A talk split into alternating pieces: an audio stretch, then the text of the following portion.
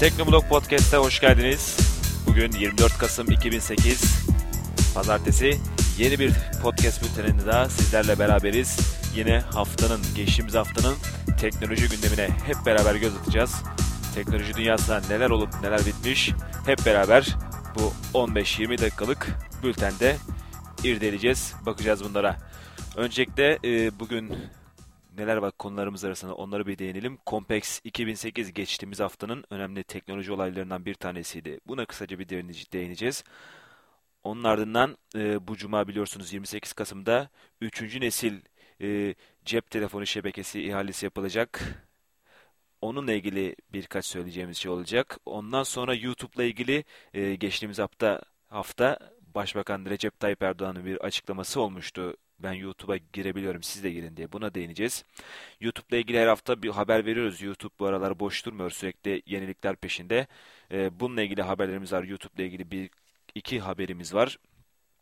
Hemen ardından e, şehri çatların e, serbest rekabete açılması ile ilgili e, bir gelişme oldu. Zaten e, beklenen bir şeydi. Bununla ilgili yasal düzenleme resmi gazetede yayınlandı ve e, bu şehri çatlar da artık Türk Telekom'un tekilinden çıkarak uzak mesafe telefon hizmeti veren şirketlere açıldı.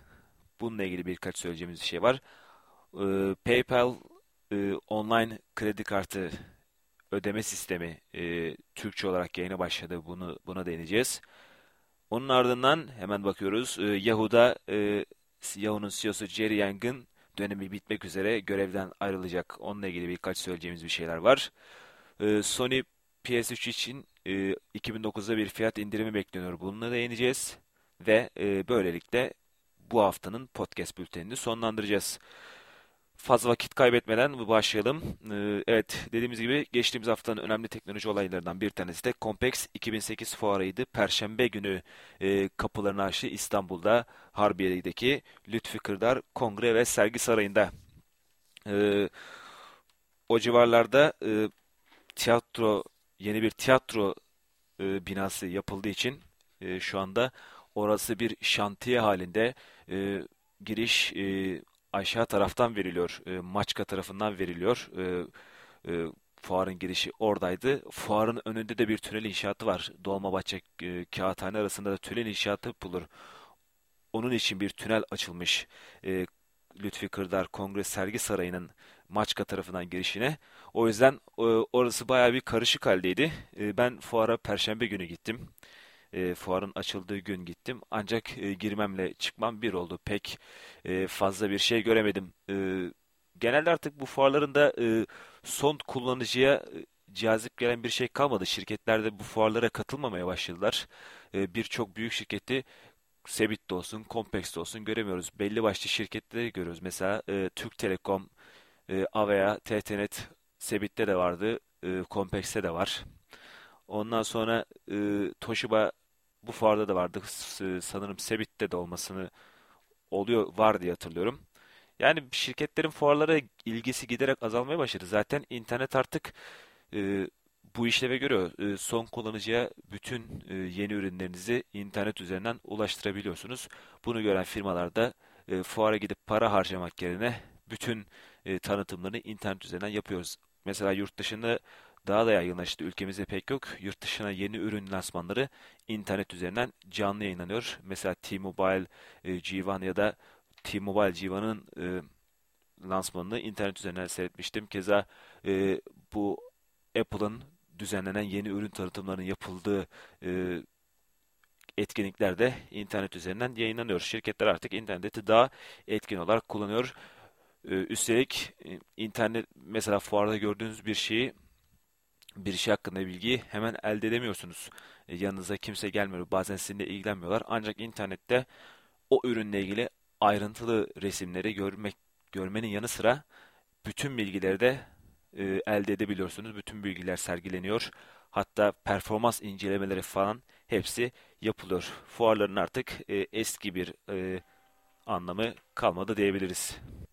Tabii e, fuara girmemle çıkmam e, bir olsa bile yine de ilginç şeyler vardı. Mesela hmm, Intel'in kurduğu bir GameX adında bir oyun bölümü vardı. Buraya birçok e, oyun bilgisayarı yan yana dizilmişti.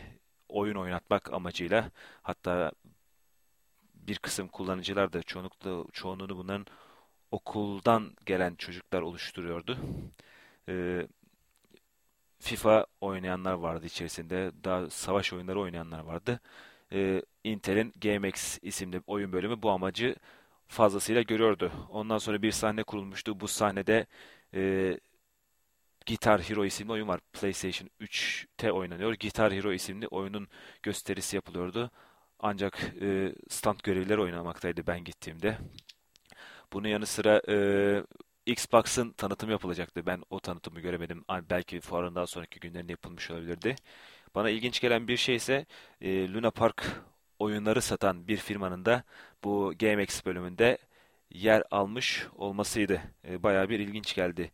E, çarpışan araba koymuşlar bir tane. Ondan sonra bir Luna Park e, oyuncakları vardı. Gerçekten ilginç geldi. Bir teknoloji fuarında e, bilgisayar ve ev teknolojileri fuarında böyle ev elektronik fuarında böyle bir şey görmek ilginç geliyor. Neyse Compex de e, böylelikle bitti. Zaten artık eski heyecanı uyandırmıyor Compex eskisi gibi. Çünkü dediğimiz gibi artık şirketler ürünlerini internet aracılığıyla sergiliyorlar. Geçelim diğer bir e, gündem maddemize. 3G'ye bakalım. Üçüncü nesil e, mobil iletişim teknolojisinin ihalesine sonunda çıkılıyor. Geçen sene çıkılmıştı. E, Avea ve Vodafone numara taşınabilirliğinin e, çıkmadığını bahane ederek bu ihaleye katılmamışlardı. Tek kullanıcı olan e, Turkcell 225 milyon dolarlık e, ihale bedelinin taban bedelinin yaklaşık 100 milyon dolar üzerinde bir teklif sunmuş ve A tipi lisans almıştı. Hatta e, ihale esnasında 10 milyon dolarlık bir arttırım da yapmıştı e, ihale kurulu başkanının ricası üzerine. Ancak e, bu ihale daha sonra telekomünikasyon kurumundan geri dönmüştü ve bizim de e, 3G kullanma hayallerimiz ötelenmiş olmuştu yaklaşık bir sene kadar hatta bir buçuk sene diyebiliriz. Ve sonunda numara taşınabilirliği e, bu ay içerisinde sonunda kullanıma başlandı. Bu da zaten Turkcell'e yaradı şu ana kadar numara taşınabilirliği. Her 100 aboneden 75'i Turkcell'i tercih etmiş. Turkcell'e taşımış numarasını. Her neyse numara taşınabilirliği e, geçtiğine göre artık en büyük engel de ortadan kalkmış oldu. Ve e, şirketler Turkcell, e, Vodafone ve Avea e, 3. nesil ihalesi için Cuma günü e, yarışacak. E, dördüncü bir operatör daha bekleniyor aslında isteniyor bu 3G ihalesi için. Ancak e, içinde bulunduğumuz ekonomik kriz ortamında e, dördüncü bir e, kişinin, dördüncü bir şirketin e, katılması zor gibi görünüyor. Ve e, artık herhalde bu 3G için daha fazla beklemeyeceğiz. E, bu ihale sonuçlandıktan sonra 6 ay içerisinde e, 3G'nin kullanıma sunulması bekleniyor. E, senelerce Sebit Fuarı'nda 3G'nin e, tanıtımlarını izleye izleye bir hal olmuştuk. Her sene gittiğimizde bir 3G standı buluyorduk operatörlerde, Turkcell'de, Vodafone'da, Avea'da görüyorduk 3G standını. İnşallah bu e, yeni sene artık 2009'da bu 3G'yi fuarda kullanmaktan öte artık günlük hayatta kullanmaya başlarız. 3G ile birlikte artık sadece biliyorsunuz video araması, görüntülü arama dışında birçok şey de yapılacak. Mesela e, 3G ADSL'e büyük bir rakip olacak. E, data bağlantısı konusunda e, 3G büyük bir e, kolaylık sağlayacak. Kablosuz bağlantı e, seçeneği sunu, sunulacak bize ve gerçekten 3G e, kullanıma sunulduğundan e, geçmeyi düşünüyorum. En çok beklediğim olaylardan bir tanesi 3G. E, Vodafone'da bir açıklama yaptı ve 3G için altyapı ihalesine çıkacağını söyledi. Motorola dışındaki şirketlerden de bu 3G için teklif alacaklarmış. E, bunun yanında e, ADSL'e rakip olacağı için 3G e, vergi oranlarının da e, eşitlenmesi gerektiğini savunuyor Vodafone. Bakalım gelecek haftaki podcast bülteninde bu 3G konusuna ayrıntılı değineceğiz. Gelecek haftanın konusu sanıyoruz ki 3G olacak. Devam edelim. Ee, geçtiğimiz hafta Cuma günü e, internette sitelere düşen bir haber vardı. Başbakan Recep Tayyip Erdoğan Hindistan'a giderken kendisine uçakta YouTube'la ilgili bir soru yöneltildi. YouTube'da artık gide biraz da gündemi işgal etmeye başladı. Avrupa Birliği'nden de böyle artık eleştiriler gelmeye başladı YouTube yasak konusunda. Bu yüzden e, biraz da dikkati çekiyor. Aslında trajikomik bir durum yani. Mayıs ayından beri e, YouTube'a hasreti diyebiliriz. Ancak e, Başbakanımız e, YouTube'a girebiliyormuş. Bize de siz de girin diye tavsiyede bulunur. E, zaten biz de e, YouTube'a giriyoruz. Ancak e, mesele YouTube videolarına erişmek değil, YouTube'a YouTube'a erişim engeli konması siteler için de aslında e, negatif bir durum oluşturuyor. Kendimizde e, ben de web yayıncısı olduğum için e, bunun e, acısını çekiyorum. Mesela e, sunduğumuz içeriği kuvvetlendirmede e, internetteki videoların özellikle YouTube'daki videoların e, büyük bir katkısı oluyor. Verdiğimiz bir haberle ilgili videoyu YouTube'da bulup e, bu verdiğimiz habere iliştiriyoruz. Yani YouTube açık olduğu zamanlarda sıklıkla yapıyorduk bunu. Ancak e, YouTube kapalı olduğundan beri dışarıdaki sitelerden de YouTube'a erişilemiyor. Bu yüzden e, YouTube'dan herhangi bir içerik e, aktarımı kendi sitenize yapamıyorsunuz. Bu iliştirilmiş videoları YouTube'un sunduğu iliştirilmiş video kodlarını sitelerinize ekleyemiyorsunuz. E, bu yüzden de büyük e, video içerik sıkıntısı çekmekteyiz diyebilirim yani. Mesela e, Teknobul'a girdiğimiz bir haberle ilgili video arıyoruz. Zaman zaman Turveo'yu kullanıyoruz diyelim. E, alternatif sitelerde de arama yapalım diye. Ancak çoğu zaman e, aradığımız videoların yani bize uygun videoların çoğu YouTube'da e, sergilenmiş olur ve YouTube'a da erişim olmadığı için bu videoları, bu kendimize uygun olan videoları ne yazık ki e, Teknobul'a etkileyemiyoruz. Ancak e, bu e, YouTube'a getirmiş olan yasak yerli video sitelerine yaradı aslında. Video'da, izlesene.com gibi e, yerli video siteleri e, trafiklerini katlamış durumdalar. E, bunun yanında Vimeo, e, Metacafe gibi video siteleri Dailymotion da buna katabiliriz. Dailymotion hatta Türkçe arayüzü sunmaya başladı. Bu gibi alternatif video siteleri de YouTube'un kapalı olması nedeniyle ziyaretçi sayısını bayağı arttırdı. YouTube'a erişemiyoruz e, biz şu anda. Ancak YouTube'da e, özellikle son iki ayda baya bir gelişme oldu reklam alanında ve teknoloji yatırımı konusunda da. Mesela YouTube e, geçtiğimiz cumartesi akşamı ilk e, web üzerinden canlı yayınla gerçekleştirdi. Bir konseri canlı yayınladı ve bu konserle beraber bir de canlı yayın şerefine bir parti düzenlendi. Hem internetin olsa hem de gerçek hayatın, sanal dünyanın ve gerçek dünyanın ünlüleri katıldı bu partiye. YouTube'un kurucusu da bir açıklama yaptı e, bu canlı yayının neticesine ve YouTube'un canlı yayın projesinin e, çok baştan beri olduğu ancak e, Google'un altyapısı sayesinde ancak e, şimdilerde gerçekleştirebildiklerini söyledi ve e, bundan sonra da bekliyoruz ki YouTube e, bu tarz canlı yayınları daha sık yapar. Elinde aslında YouTube'un büyük bir e, potansiyel var. İnternetin en çok ziyaret edilen e, video paylaşım sitesi ve aynı zamanda bu potansiyelde e, belirli e, medya sitelerinin olsun, başka şirketler olsun pazarlayabilir.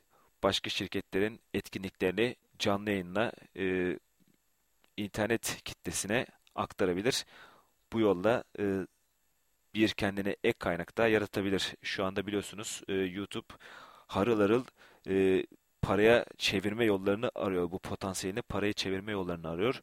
Ve bu canlı video yayın içeriği de güzel bir e, seçenek onlar için. Paraya çevirme seçeneği gibi duruyor.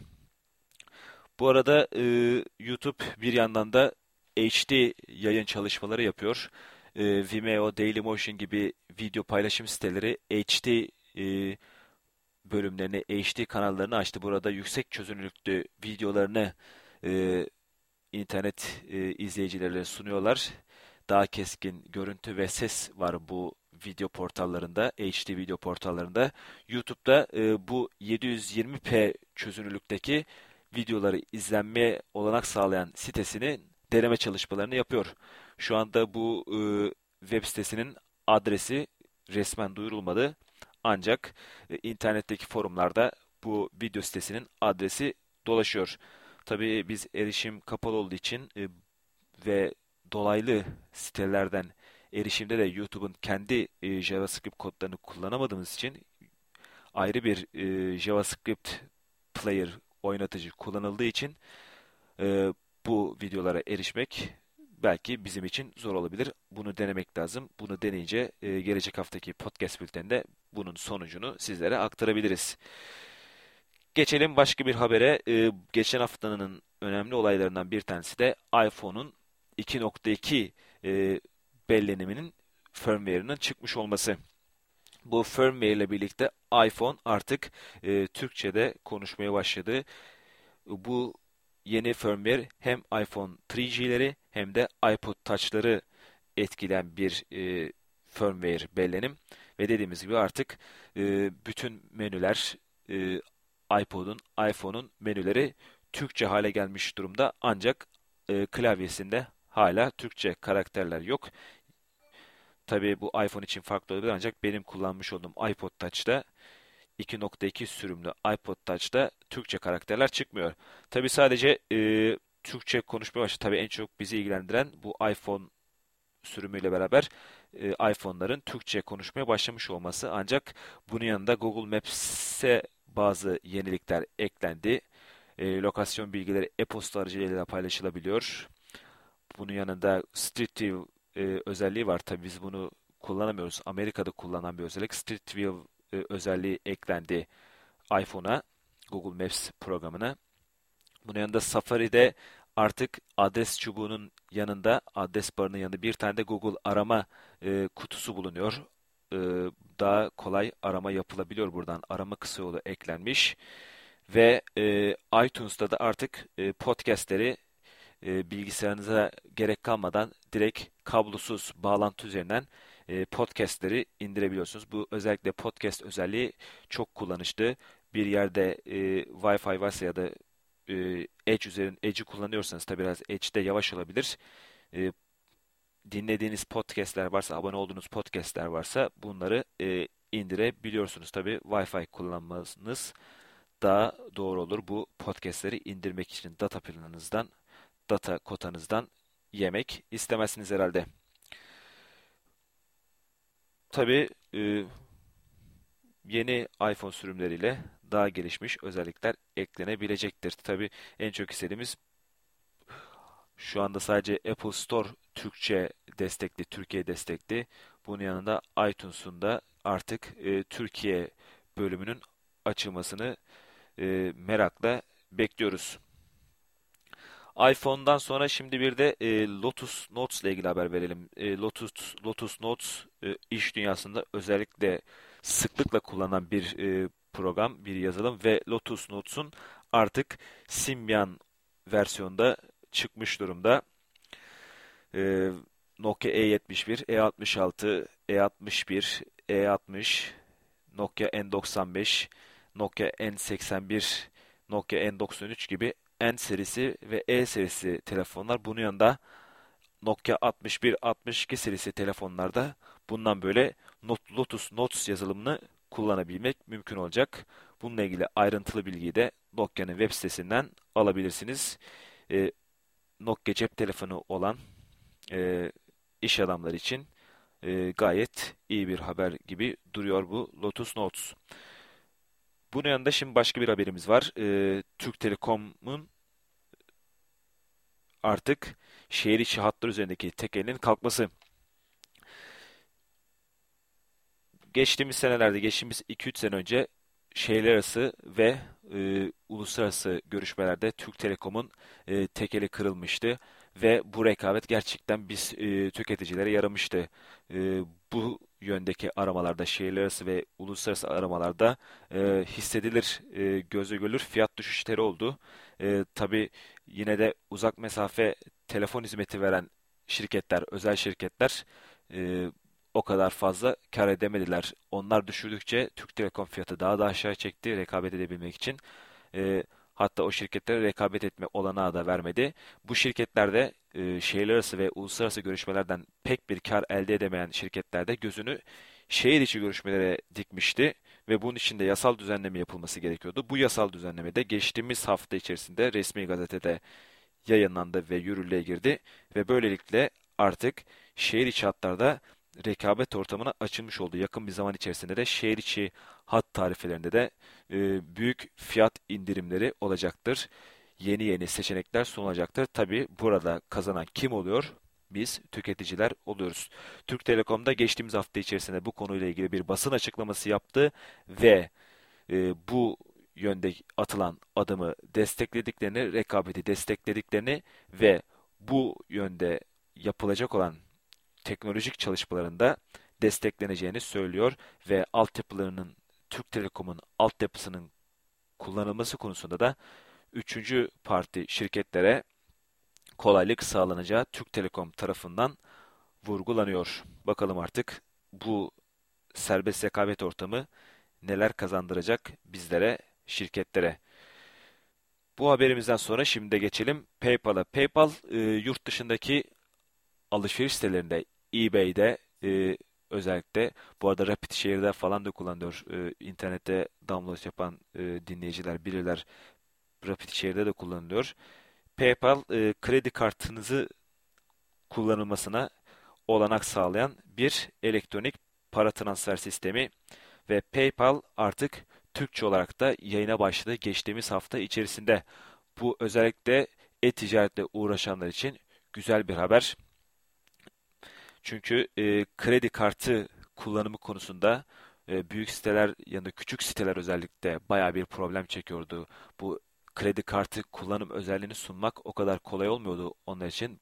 Birçok banka prosedürleri, prosedürleriyle uğraşmaları gerekiyordu ve onlar dört göze PayPal'ın Türkiye'ye gelmesini bekliyordu.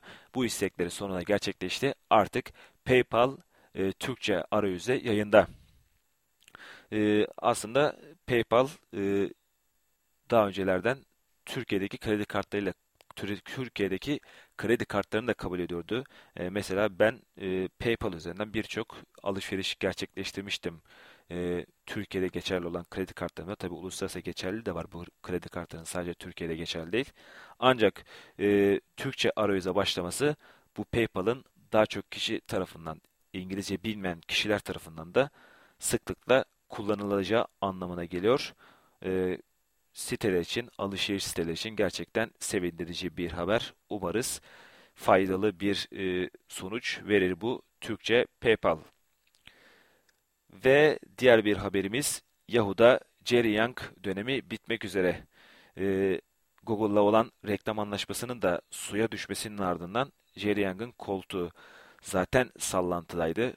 Yahoo'yu kuran bu adam artık Yahoo'daki e, son e, demlerini yaşamakta. E, şirketin CEO'luk görevini bırakacak olan e, Jerry Young'ın yerine adaylarla görüşmeler sürüyor. Bakalım sonuçta neler olacak? Bu arada Yahoo yetkilileri de Microsoft'ta göz kırpmaya devam ediyorlar. Ancak e, Microsoft dediğimiz gibi oralı değil. Üstelik e, Yahoo'nun ekonomik krizden dolayı hisse fiyatları da e, üçte birine düştü neredeyse. Şirketin değeri teklif yapıldığı zamana göre oldukça azaldı. İşte bu Yahoo örneği de geleceği görmenin ne kadar önemli olduğunun bir göstergesi, e, somut kanıtı.